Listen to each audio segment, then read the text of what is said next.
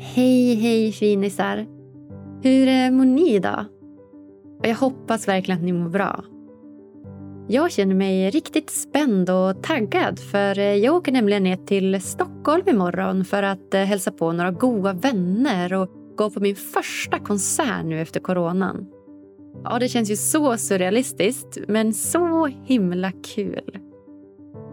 Ja, det känns ju extra skönt att äntligen ha tagit det här vaccinet och jag längtar så efter att äntligen få krama om alla mina fina goa vänner där nere.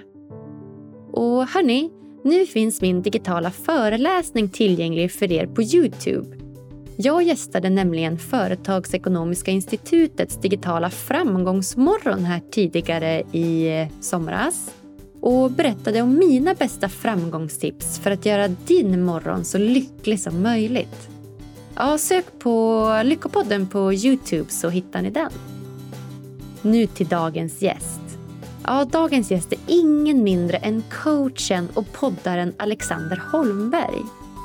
En 52-årig man som med både missbruksproblem och en bipolär mamma i bagaget har coachat över 10 000 klienter. Det är så himla många och jag kan bara föreställa mig hur många han har hjälpt genom sina vackra samtal. Ja, Alexander berättar att han blir mer och mer lycklig för varje dag som går och berättar hur du kan göra för att använda dina jobbiga känslor för att skapa större förståelse för dig själv och därmed ett lyckligare liv. Ja, vi möts i närvaro och Alexander delar bland annat med sig om sina tidigare erfarenheter. Om vad han menar med konstruerad ångest. Om hur han flörtade med tanken på att ta livet av sig som 23-åring. Och slutligen så blir han också nyfiken på mig och min barndom så vi grottar också ner oss lite grann i den. Ja, ett väldigt djupt och sårbart och också vackert samtal som jag hoppas ska få förgylla era öron. Varsågoda.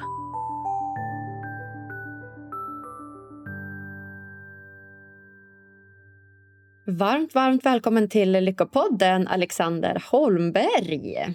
Tack så jättemycket. Hur känns det här, Alexander? Det är massa känslor, som det alltid är i livet. Men om man ska fånga någon så, så har jag en känsla av nyfikenhet. Jag är lite nyfiken på vart det här samtalet ska leda.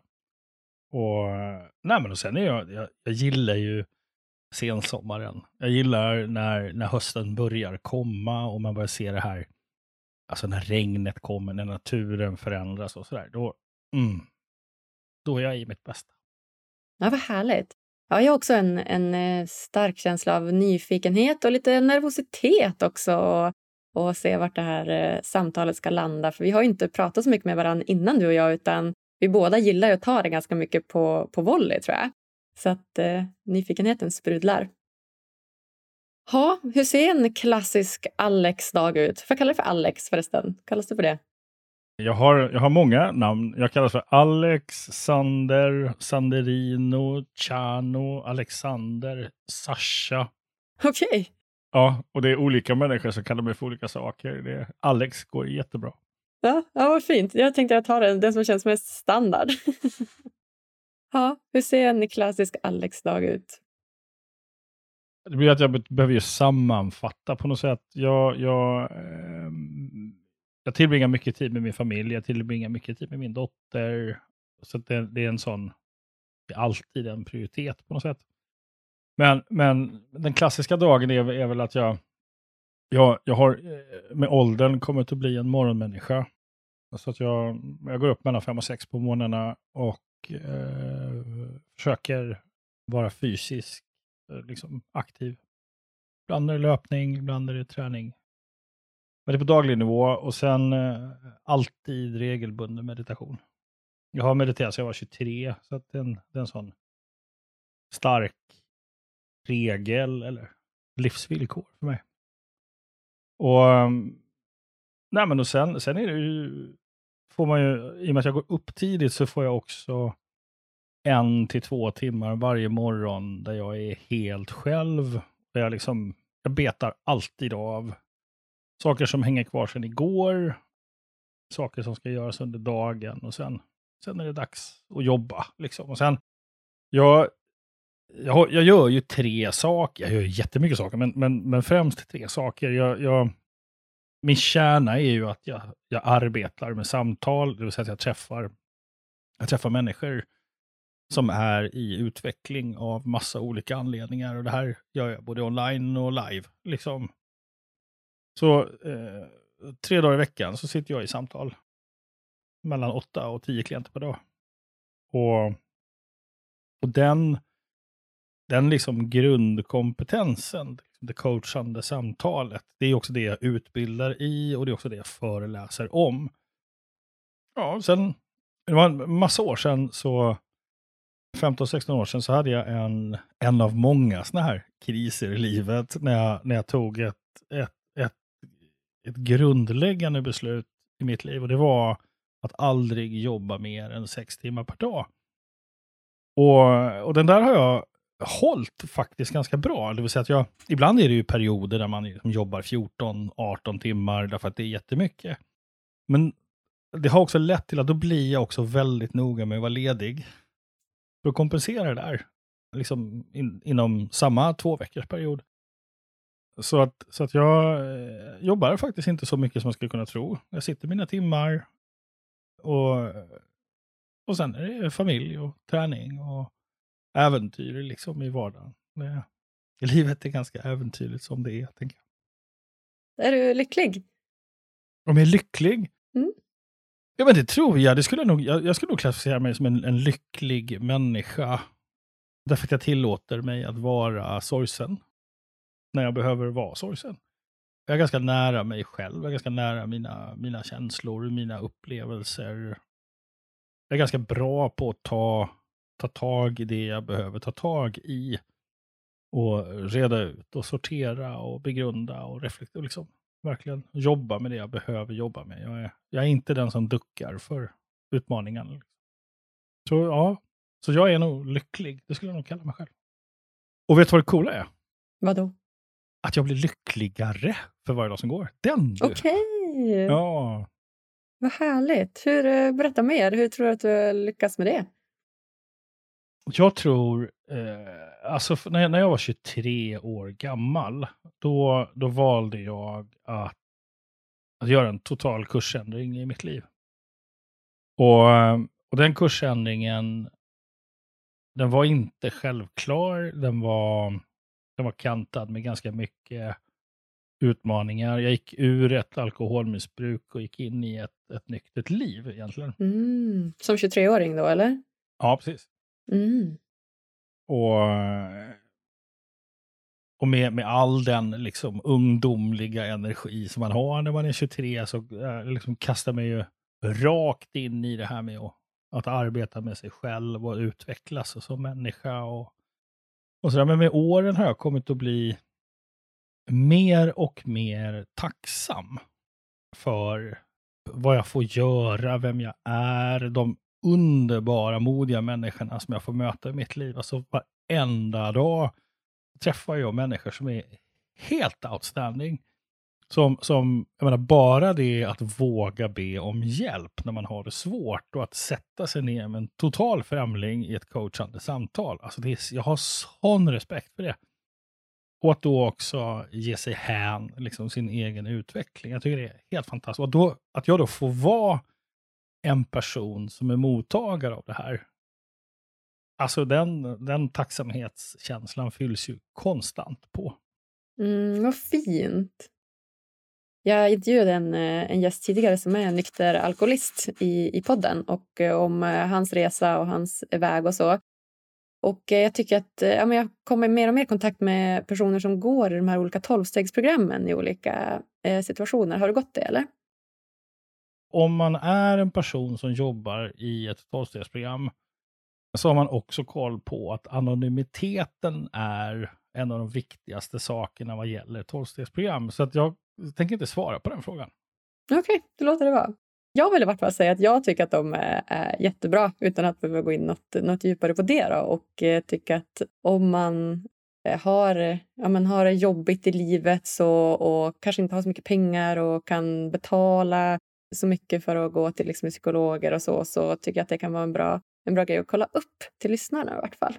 Alltså, anonyma alkoholister är ju ett fantastiskt fenomen, tycker jag. Verkligen. Men om man tittar på Anonyma Alkoholister så det, jag menar, det, det är en organisation som drog igång på 50-talet. Och jag, och jag, jag, tror inte det finns någon annan organisation som, som är så genomideell som AA är. Som fenomen. Sen har det spridit sig till allt ifrån liksom NA till eh, medberoende organisationer och sådana saker. Och, och jag tänker, det, det, en sak är ju att det liksom är att, att det finns en ideell aspekt i det, att, att vem som helst har tillgång till det, det kostar ingenting, är ju faktiskt också att det inte belastar, alltså det är, det är helt självförsörjande. Alltså man tar inte ens emot bidrag, det vill säga man blir inte beroende av, beroende av kommuner eller stat och sådana saker. Och jag tror att det är en av anledningarna varför det har fungerat så bra. Och just att, att det har liksom spridit sig i olika delar av livet. Som du säger, det behöver inte vara alkoholism, utan det finns medberoende, finns det Eh, narkotika, vuxna barn och ja, men, allt möjligt. Exakt.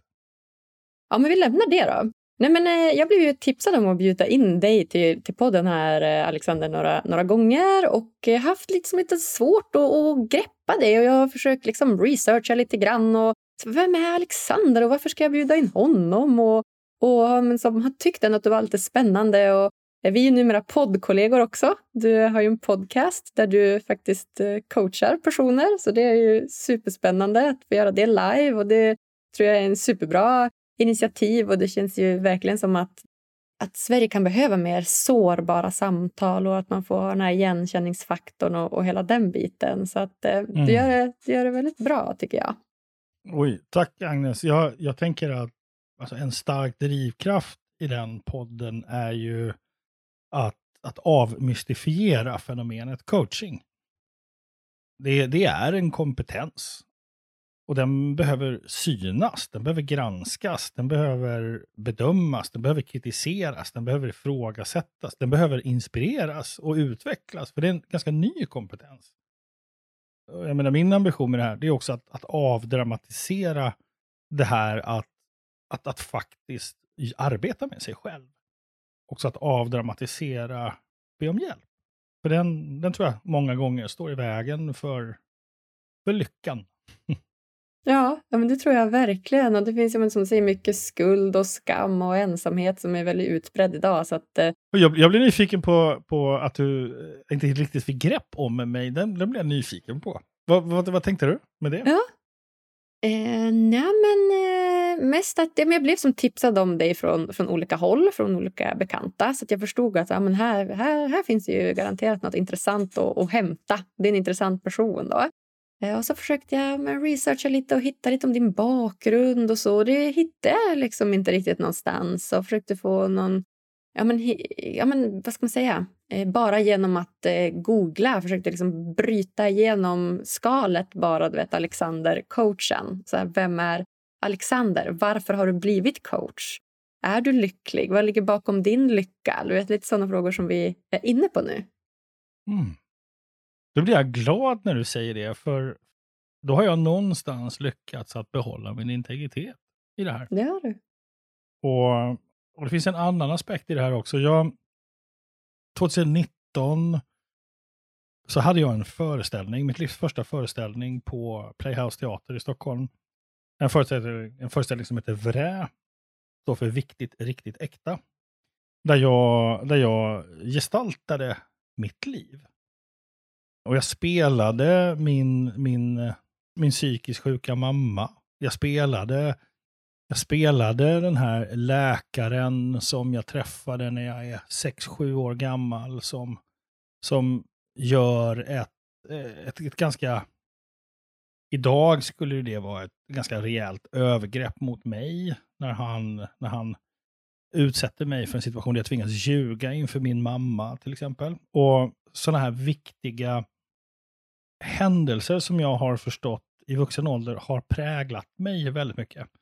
Och så, är jag liksom gestalt, så gestaltade jag alla de här olika scenerna i en, i en, i en berättelse om, om, om att våga leva, våga ta, liksom, att våga utvecklas. Så där. Det var, det var en, en eh, otroligt, otroligt givande grej att göra.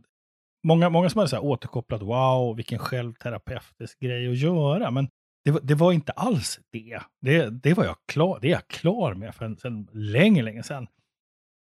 Utan det här var mer för mig ett sätt att, att berätta resan, berätta om mig själv på ett sätt som också inspirerar och utvecklar andra utan att det blir att jag försöker liksom slå mynt av min tragiska barndom för att liksom göra mig mer spännande. Jag tycker den, det, det fenomenet är ganska ointressant egentligen. Jag, att, att, att, att, jag har haft, att jag är uppväxt med psykisk morsa, det, det, det, är en faktor som har, som, har gett, som har gett mig ganska mycket kunskap om och varsamhet om människor, om, om en medvetenhet om människors skörhet och, och, och människors kamp och och en, och en ödmjukhet i att vi alla bär på olika berättelser som, som, som vi jobbar med. Och, och, och det här är ju ingenting som jag vill göra en poäng av.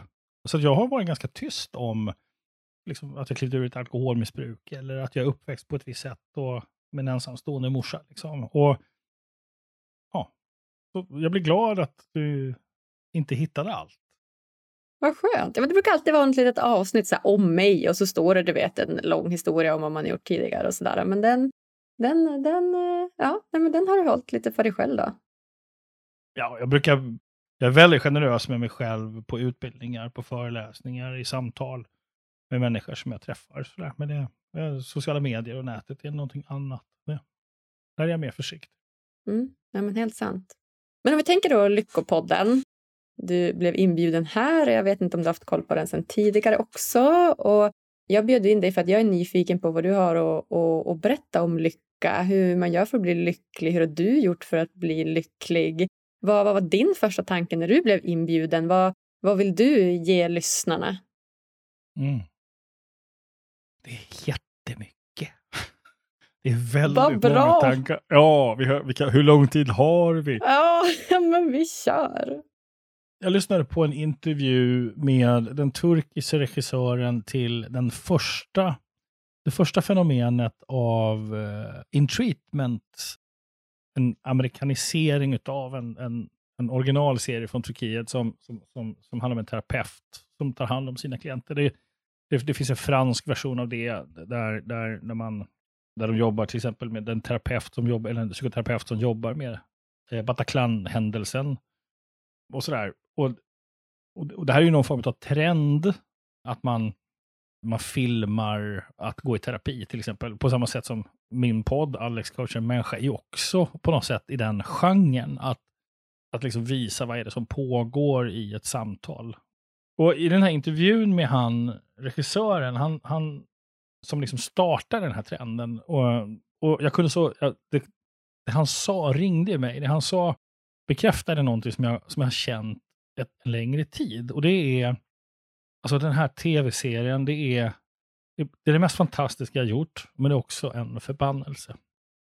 Och, och utifrån det fantastiska menar han då på att han har öppnat upp terapirummet. Han har öppnat upp coachrummet, han har öppnat upp det här samtalsrummet och gjort det mer okej okay att jobba med sig själv. Mer okej okay att, att, att, gå till en terapeut och, och sådär.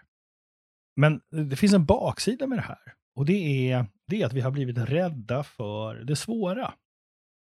Det är att vi har liksom, oj, nu har jag lite ångest. Det måste jag fixa. Och det, det finns någonting i det här som jag, som jag tycker är viktigt att, att, att, börja, att börja prata om.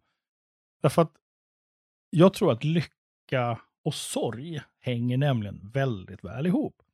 Och det, det här kan man kika på på en, på en medicinsk nivå. Det är bara att titta på lyckohormonerna så, så, så, får, så, så, så är ju det väldigt tydligt brist, brist på eller en ökning av serotonin och allt vad det är. Men, men, så, men i, det, i, i det dagliga livet så finns det ju en väldig... Att vara olycklig och att, att någonstans ha varit i det svåra gör ju också att man uppskattar dess motsats på ett helt annat sätt. Och, och, och där tror jag att, att lyckan föds. När man, när man liksom har tagit sig igenom någonting som är utmanande i livet, någonting som är svårt, någonting som är smärtsamt. Och då, då uppstår liksom en, en form av sann lycka, tror jag. När man har vunnit över sig själv. Mm. Men rekommenderar du då folk att utsätta sig för händelser som inte är så enkla att hantera alla gånger. Skulle du rekommendera absolut folk? Inte. Nej. nej, nej, absolut inte. Det, det drar åt, åt, åt ett, helt fel håll. Tänker jag. jag menar, att leva är väl tillräckligt komplext. Eller att, hur? Att leva, mm. Ja, eh, att vara född av två föräldrar och, och växa upp, det, det räcker. Det är trauma. Det. är trauman i sig. Och jag brukar säga det till, till några klienter som, som, är lite oroliga för hur deras barn ska bli. Då, då tröstar de med att kan vara helt lugn. Oavsett vad ni gör så kommer de garanterat att gå och behöva prata om hur hemska de, de har upplevt er. så det är liksom ingen idé att försöka göra det bra. Nej. Utan var er själva istället. Nå, Mm. Då blir det bra. Ja, men snyggt. All right. Så du skulle vilja förmedla det egentligen då att eh, sorg och lycka hänger väldigt starkt samman och att då acceptera sina ja, men mer jobbiga, utmanande känslor eller hur tycker du man ska hantera dem? Jag, tänk, jag tänker att man behöver, man behöver utmana sin syn på lycka. Man behöver utmana sin syn på, på, på sorg, på smärta om man, jag menar, det är bara att gå tillbaka till livet. Om, du, om man tänker efter, så här, vad är det, vilka stunder i livet är det som har varit fantastiska? Absolut. Tillfället med palmerna vid den där stranden när han eller hon sa att jag älskar dig. Det, det, är en, det är en sån kategori. Men de här sakerna som ger den här äkta tillfredsställelsen, den här sanna tillfredsställelsen, när man, när man känner en helt kongruent lycka, det vill säga en samstämmig lycka. Man känner att nu, nu är jag lycklig. Så uppstår ju den inte av sig själv. Det är ju ingen, det är inte så att det liksom kommer en, en liten ängel flygande och injicerar dig med liksom massa hormoner, utan, utan det är ju eh, lycka är ju ett resultat av att du har gjort någonting. Och, och då är det där, vad är det då du har gjort? Och hur har du gjort det? Och, och det kan vara en sån enkel sak som att äntligen ta det där samtalet med den där personen som jag har prokrastinerat på i två års tid. Och bli klar med den. Även fast det var läskigt, även fast det var jobbigt. Den upplevelsen av tillfredsställelse, där, där uppstår ju den här känslan av lycka. Så. Så jag tror att, att lycka är helt och hållet förknippat med att man också har, har mött någonting svårt.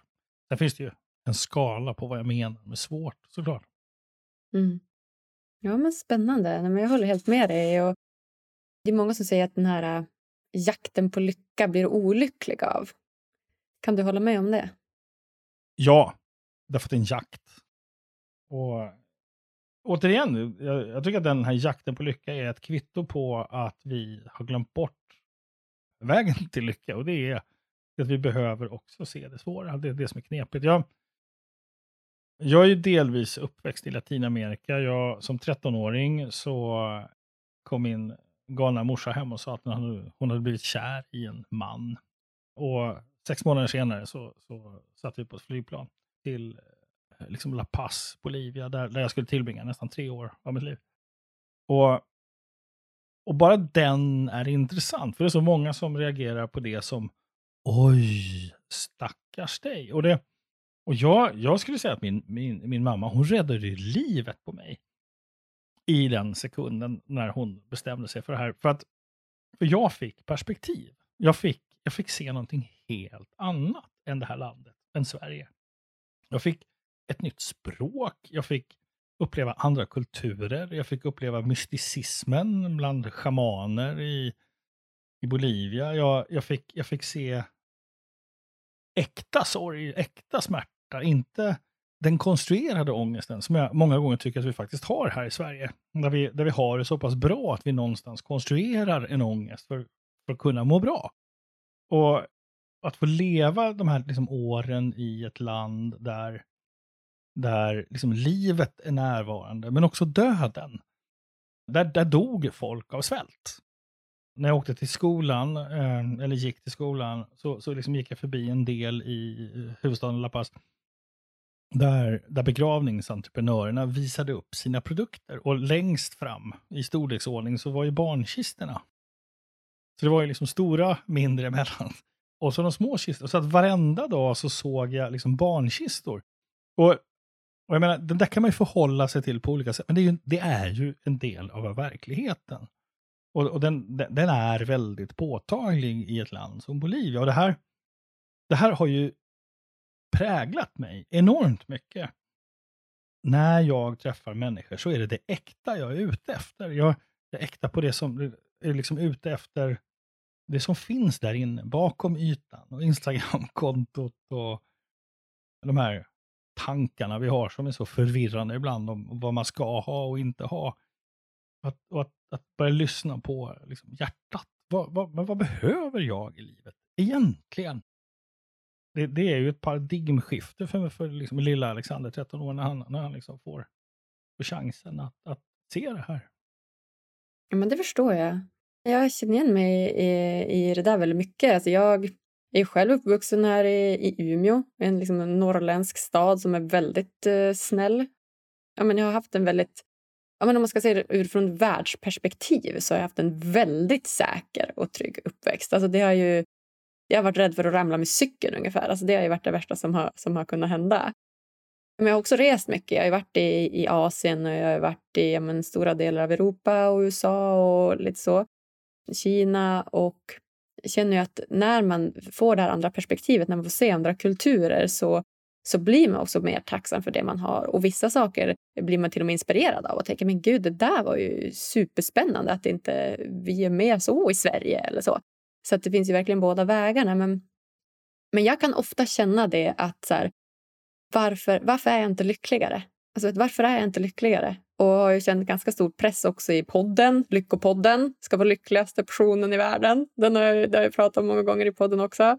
Men, det, det, hjälper ju att prata om det, verkligen. Men, eh, men tror inte att det är alldeles dumt med de här perspektiven och kanske ja, men utsätta sig själv för de här perspektiven emellanåt. Jag tänker varför... Uh, jag kan inte låta bli nu, nu du lägger upp det där som en stor, stor boll till coachen Holmberg här. Men jag, jag blir nyfiken på jag, jag blir nyfiken på varför är lycka viktigt för dig i sådana fall? Varför är det viktigt för dig att, att, att känna lycka? Ja, bra fråga. En av de frågorna jag hade till dig var faktiskt eh, vad skulle du vilja coacha mig i? Så det var faktiskt spännande. Så vi börjar komma in på det nu. Varför är lycka viktigt för mig? Um, för att jag älskar att vara lycklig. Hur vet du det? För att eh, när jag är lycklig så eh, blir jag glad och jag känner de här serotonin, oxytocin, hormonerna spridas i kroppen. Och få dela det med mig själv och andra är ju magiskt. Mm. Så, så, när du är lycklig så blir du glad? Ja, det är en del. Ja. Okej. Okay. Så, så vad är det att vara olycklig? Mm, jag tror att eh, olycklig... Eh, då, jag drar direkt koppling till eh, min pappa som, är, eller som var deprimerad när jag växte upp. Så att jag har sett väldigt mycket av hans mörka sidor. Och har sett väl vad, vad det kan göra med en människa att vara deprimerad och att vara olycklig. Så att det började ju verkligen som en, en rädsla. Alltså, och det här var innan jag ens visste vad, alltså innan jag ens började reflektera över livet och vad lycka är och vad olycka är och så, så. Så fick jag med mig det tidigt att jag tänker inte bli så. Eller jag vill inte bli så. Och det var ju superspännande för det gjorde mig ju väldigt olycklig till en början. Att du vet, vara tvungen att och hela tiden försöka vara lycklig, lycklig, lycklig. Mm. Så det är väl därifrån det, det kommer. Mm. Jag, jag, blir jättenyfiken. Hur gammal var du när du förstod? När, när du, Agnes, förstod att pappa är deprimerad? Mm. Jag levde ju i det när jag var 14, 15, 16 kanske där, tonåren. Det var då det som utspelades för mig som tydligast. Hur då? Då hade vi precis eh, flyttat. Mina föräldrar hade precis skilt sig. Och eh, Jag tyckte att det var någonting bra, någonting kul. För alla hade skilda föräldrar. Jag vill också ha skilda föräldrar. Bar, bar, barnens logik är underbar. Alltså. den är ju det. Den är verkligen det. Så att, eh, då skildes de och eh, pappa flyttade till en lägenhet som låg mitt i stan. Så det var ju supercoolt när jag var i den åldern och vet, precis började gå ut och hänga med killar och coola tjejer och så. Så det var då som, jag, som det utspelades. För, att jag, för det var, jag bodde bara med honom och ibland mina brorsor då var, varannan vecka. Eller så. Men jag bodde bara med honom, så jag såg hur, hur lite energi han hade till livet. Mm. Mm. Då blir jag nyfiken. Vad, vad behövde du egentligen av pappa när du var 12, 13, 14? Gud, vilken bra fråga. Nej, men jag hade nog lär, alltså behöva kanske lära mig rollen av en förälder. kanske. Jag hade haft svårt att acceptera gränser, någon som har sagt åt mig saker, någon som har varit en förälder. Att jag har svårt att acceptera det, att bli tillsagd och, och, och så. Så du hade behövt en mer närvarande förälder än vad pappa var? Ja, det, det tror jag. Mm.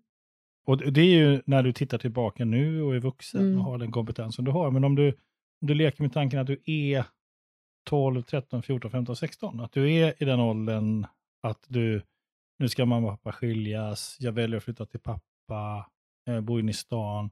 Den här tjejen som är liksom precis tonåring, så precis har börjat liksom börja sin resa till att bli kvinna någonstans. Vad är det, vad behöver hon? Mm. Alltså hon, när jag tänker tillbaka på hon där och då så var hon rätt lycklig. Alltså hon var rätt lycklig för hon, hon fick göra det hon ville och hon hade inget konsekvenstänk som jag kanske har idag. Du vet, det här kan lika gärna vara en efterkonstruktion. Att jag har hört från andra att så här, du borde haft det här, du borde lärt dig det här. Så egentligen så så var jag rätt lycklig då. Men kanske, men jag hade nog behövt en, en, någon att luta mig mot.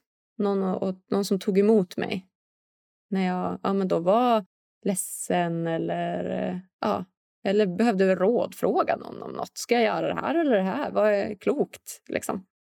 Mm. Så det hade jag nog behövt. Mm. Känner du igen dig? Känner igen mig? Ja, det vet jag inte. Men jag, jag tänker på jag tänker att växer man upp med en, med en pappa som, som är deprimerad eh, efter en skilsmässa så får ju det en ganska stor påverkan på ens värderingar. Och, och så är jag ganska säker på att man, man, etablerar, man etablerar livsstrategier. Som till exempel, jag tänker inte bli sån där. Det här ringer ju och rimmar med precis det jag sa inledningsvis, det här med, med rädslan för det svåra. Att, alltså vägen till en lycka kan vara att man tillåter sig att vara deprimerad.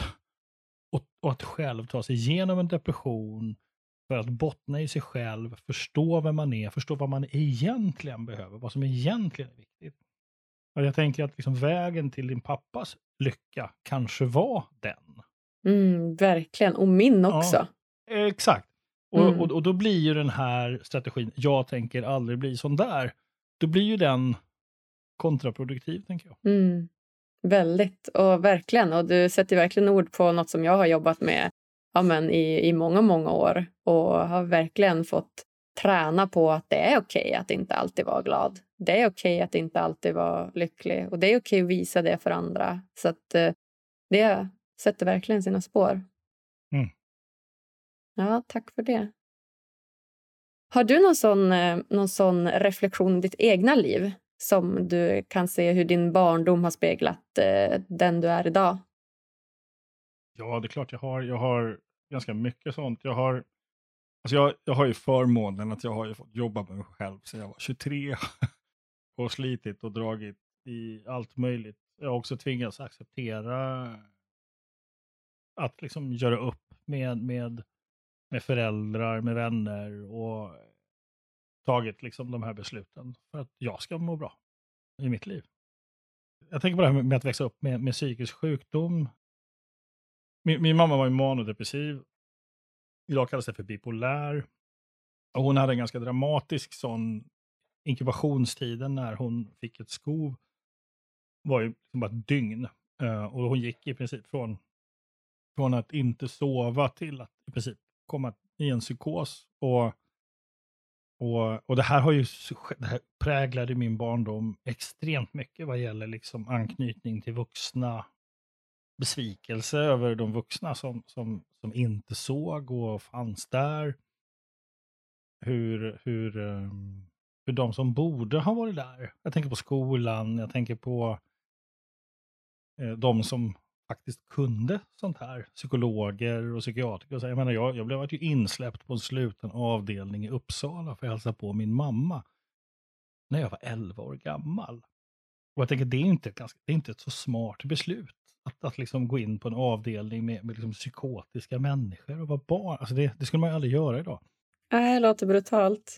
Ja, det låter lite brutalt. Och jag menar, samtidigt är det här oerhört värdefulla erfarenheter jag har idag. Oerhört värdefulla resurser idag där jag, när jag möter människor i smärta som mår dåligt, så är jag inte rädd för det. Och, och, och jag, kan, jag, kan, jag kan inte, jag påstår inte att jag förstår, men jag kan relatera till och jag kan vara närvarande i det. Det här är en enorm resurs jag har. En, en annan resurs i det här är när, när jag föreläser till exempel om, om kreativitet och utvecklingsprocesser och, och ta nästa steg och hitta energier, vad det nu är man ska föreläsa om, så, så finns det en dimension av, för många människor, att, att liksom gå utanför det man kallar för boxen. Om, om man har fått för sig att det normala, ja det är det som är innanför boxen. Och det som är onormalt, det är det som är utanför boxen. Då, då kan jag då kan jag berätta att den här boxen, det är ungefär en liten tändsticksask. och, och, och innan någonting blir galet på riktigt, så är det väldigt långt bort.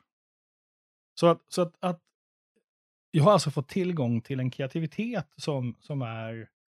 För jag, är ju, jag vågar ju gå utanför boxen ganska rejält, ganska mycket och och, och är också skicklig på att liksom se olika perspektiv på saker. Det är en egenskap som är, oerhört värdefull i min roll som coach. Att, att när jag hör, när jag träffar en klient som har, som berättar om sin tändsticksstora verklighet, så kan jag, så blir jag en person som kan ge dem perspektivet att det finns mer där ute för dig. Och, och, och jag är inte rädd för den. För Eftersom jag, liksom, jag vet vad gränsen för galenskapen är och den är väldigt långt bort. Det är väldigt långt bort. Jag kommer ihåg det, det var, jag satt på eh, tunnelbanan, jag var 23, jag var på väg hem.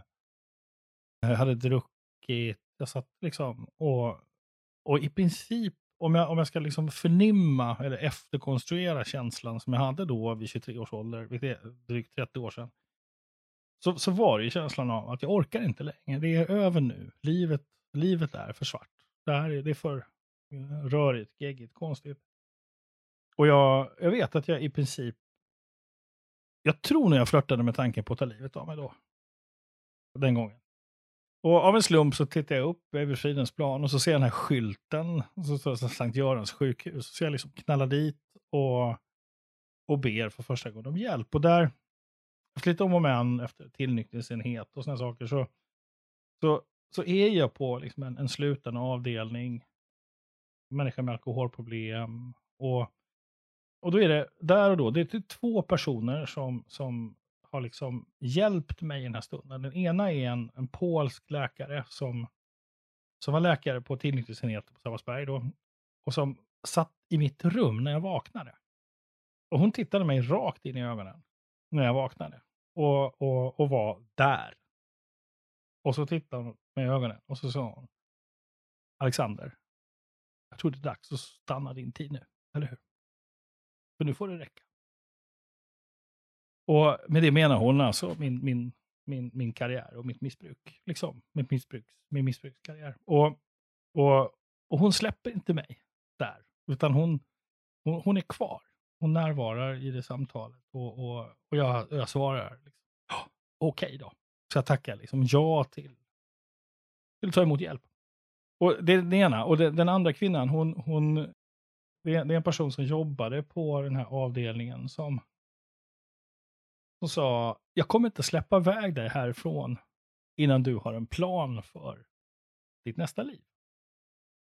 Och jag hade ju ingen aning om någonting då. Jag visste ingenting om någonting. Utan jag fick själv efterforska och hittade ett behandlingshem och, och liksom frågade henne. Jag har hittat det här, är det bra? Ja, du får väl kolla själv. Och, hon hade ett coachande förhållningssätt till mig. Och hon, hon, hon gick inte in och tog över mitt problem. Hon, hon gick inte in och, och blev någon liksom, hjälte som skulle fixa mig. Och det gjorde inte den här polska läkaren heller, utan de, de två stycken väldigt starka vuxna människor som fanns där och liksom gav mig det utrymme jag behövde för att liksom våga uttrycka vad jag behövde. Och, och jag tänker det, det är spacet. Det, det är ett space som jag varje dag jobbar för att kunna ge andra människor. Eh, att, att vara den personen. Så, så självklart har, har, har liksom oerhört mycket av vad jag har gjort i livet har, har, har jag ju sett och varit gåvor eh, för mig att, att, att liksom jobba med, gå igenom, reda ut, förstå var inte så länge sedan som min dotter till exempel, hon, hon, hon uttryckte en utmaning i sitt liv. Um, och den hade hon aldrig berättat för mig. Om, om inte hon och jag kan fixa det utrymmet tillsammans i, i vår kommunikation. Och, och jag tror att det där är så oerhört värdefullt för mig att jag har tillgång till det idag. Ja, men verkligen. Det låter som ett fint utrymme, att man kan möta många i det. Mm. Mm. Ja, vad händer för dig nu? Jag blir nyfiken. Um, nej, men nu börjar jag mest fundera på så här, din dotter och hennes, eh, vad hon vill prata med dig om och vilken fin relation ni verkar ha. Och glädje för hennes och erans skull att ni har det. En liten bit avundsjuka att jag också hade velat ha en, en pappa att vända mig till på det sättet. Mm. Mm. Vad händer i dig? Nej, jag, jag blir glad att höra att, du, att det händer saker för dig. När jag öppnar. Mm. Ja, vad fint. Vad gör dig riktigt lycklig? Det som kommer upp är eh, modig. Mod. Mm. När, när människor vågar göra skillnad. Jag hade har en klient som jag jobbat ett tag med som har en son som är cancersjuk. Ett barn som, som, som har en väldigt negativ diagnos. Och, och där, där mitt arbete med honom är att, att ge honom verktyg att, att vara närvarande, även fast han är rädd. Jag hade samtal med honom härom, häromdagen, hur han, hur han berättar att, att liksom, nu verkar det gå till rätt håll. Och så helt plötsligt så började han gråta. Och, och tillät sig att liksom känna efter en liten stund. För han hade fått samtal från läkarna och läkarna var positiva. och Han kunde för första gången börja släppa på den här, de här känslorna. Liksom, och att uttrycka dem mm, tillsammans med mig. En sån stund gör mig enormt lycklig. När människor vågar bryta normer, när människor vågar säga jag förstår inte vad du menar.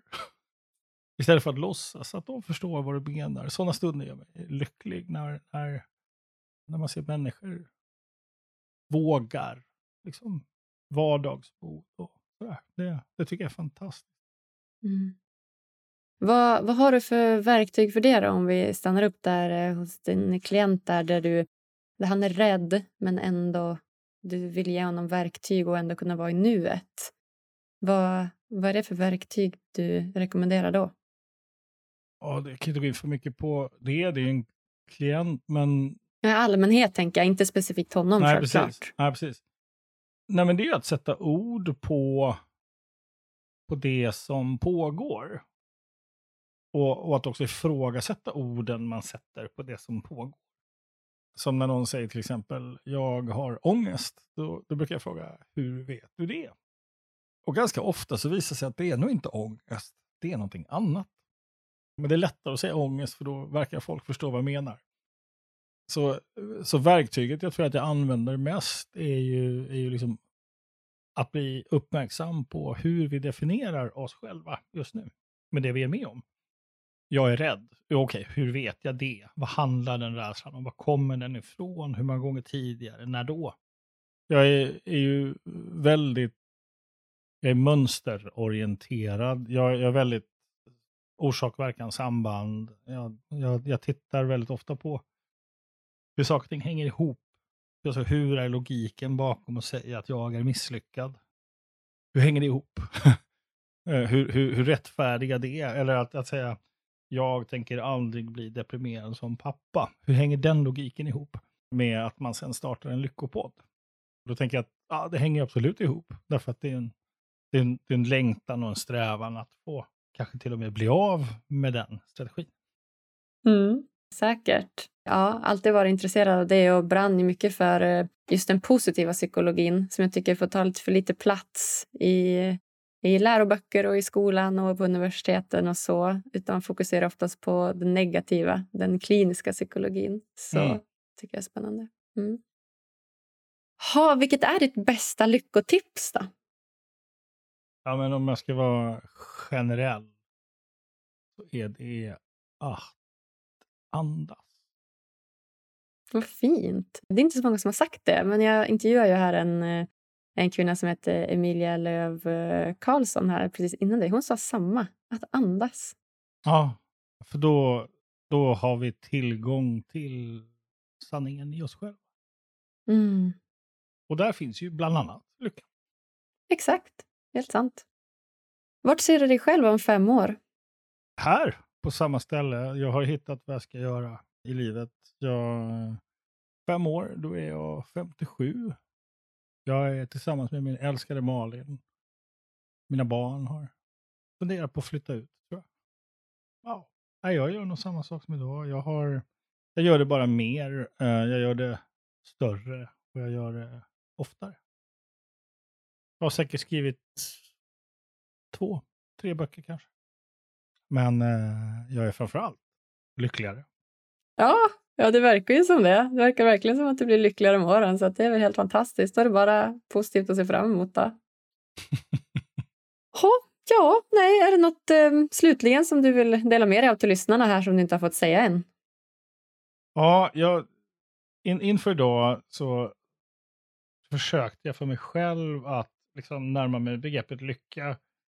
Och jag skrev ner en, en sak som jag som inte har sagt idag, men, men det är ju det här med förståelse.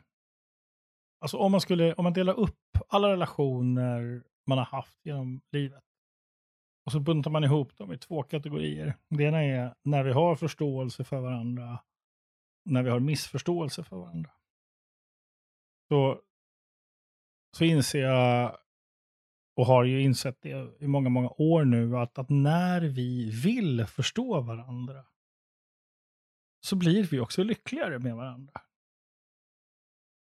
Så, så när, när liksom viljan till förståelse finns, ja, då är, då är, då är, ursäkta mig, men då är fan med allt möjligt.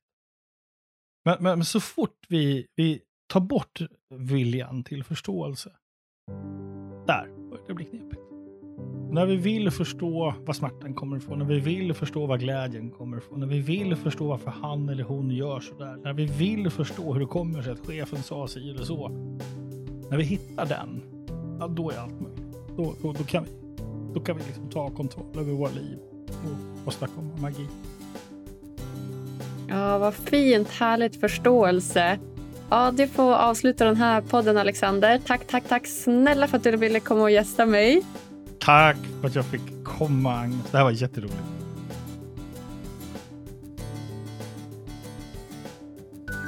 Mm, vilket fint samtal.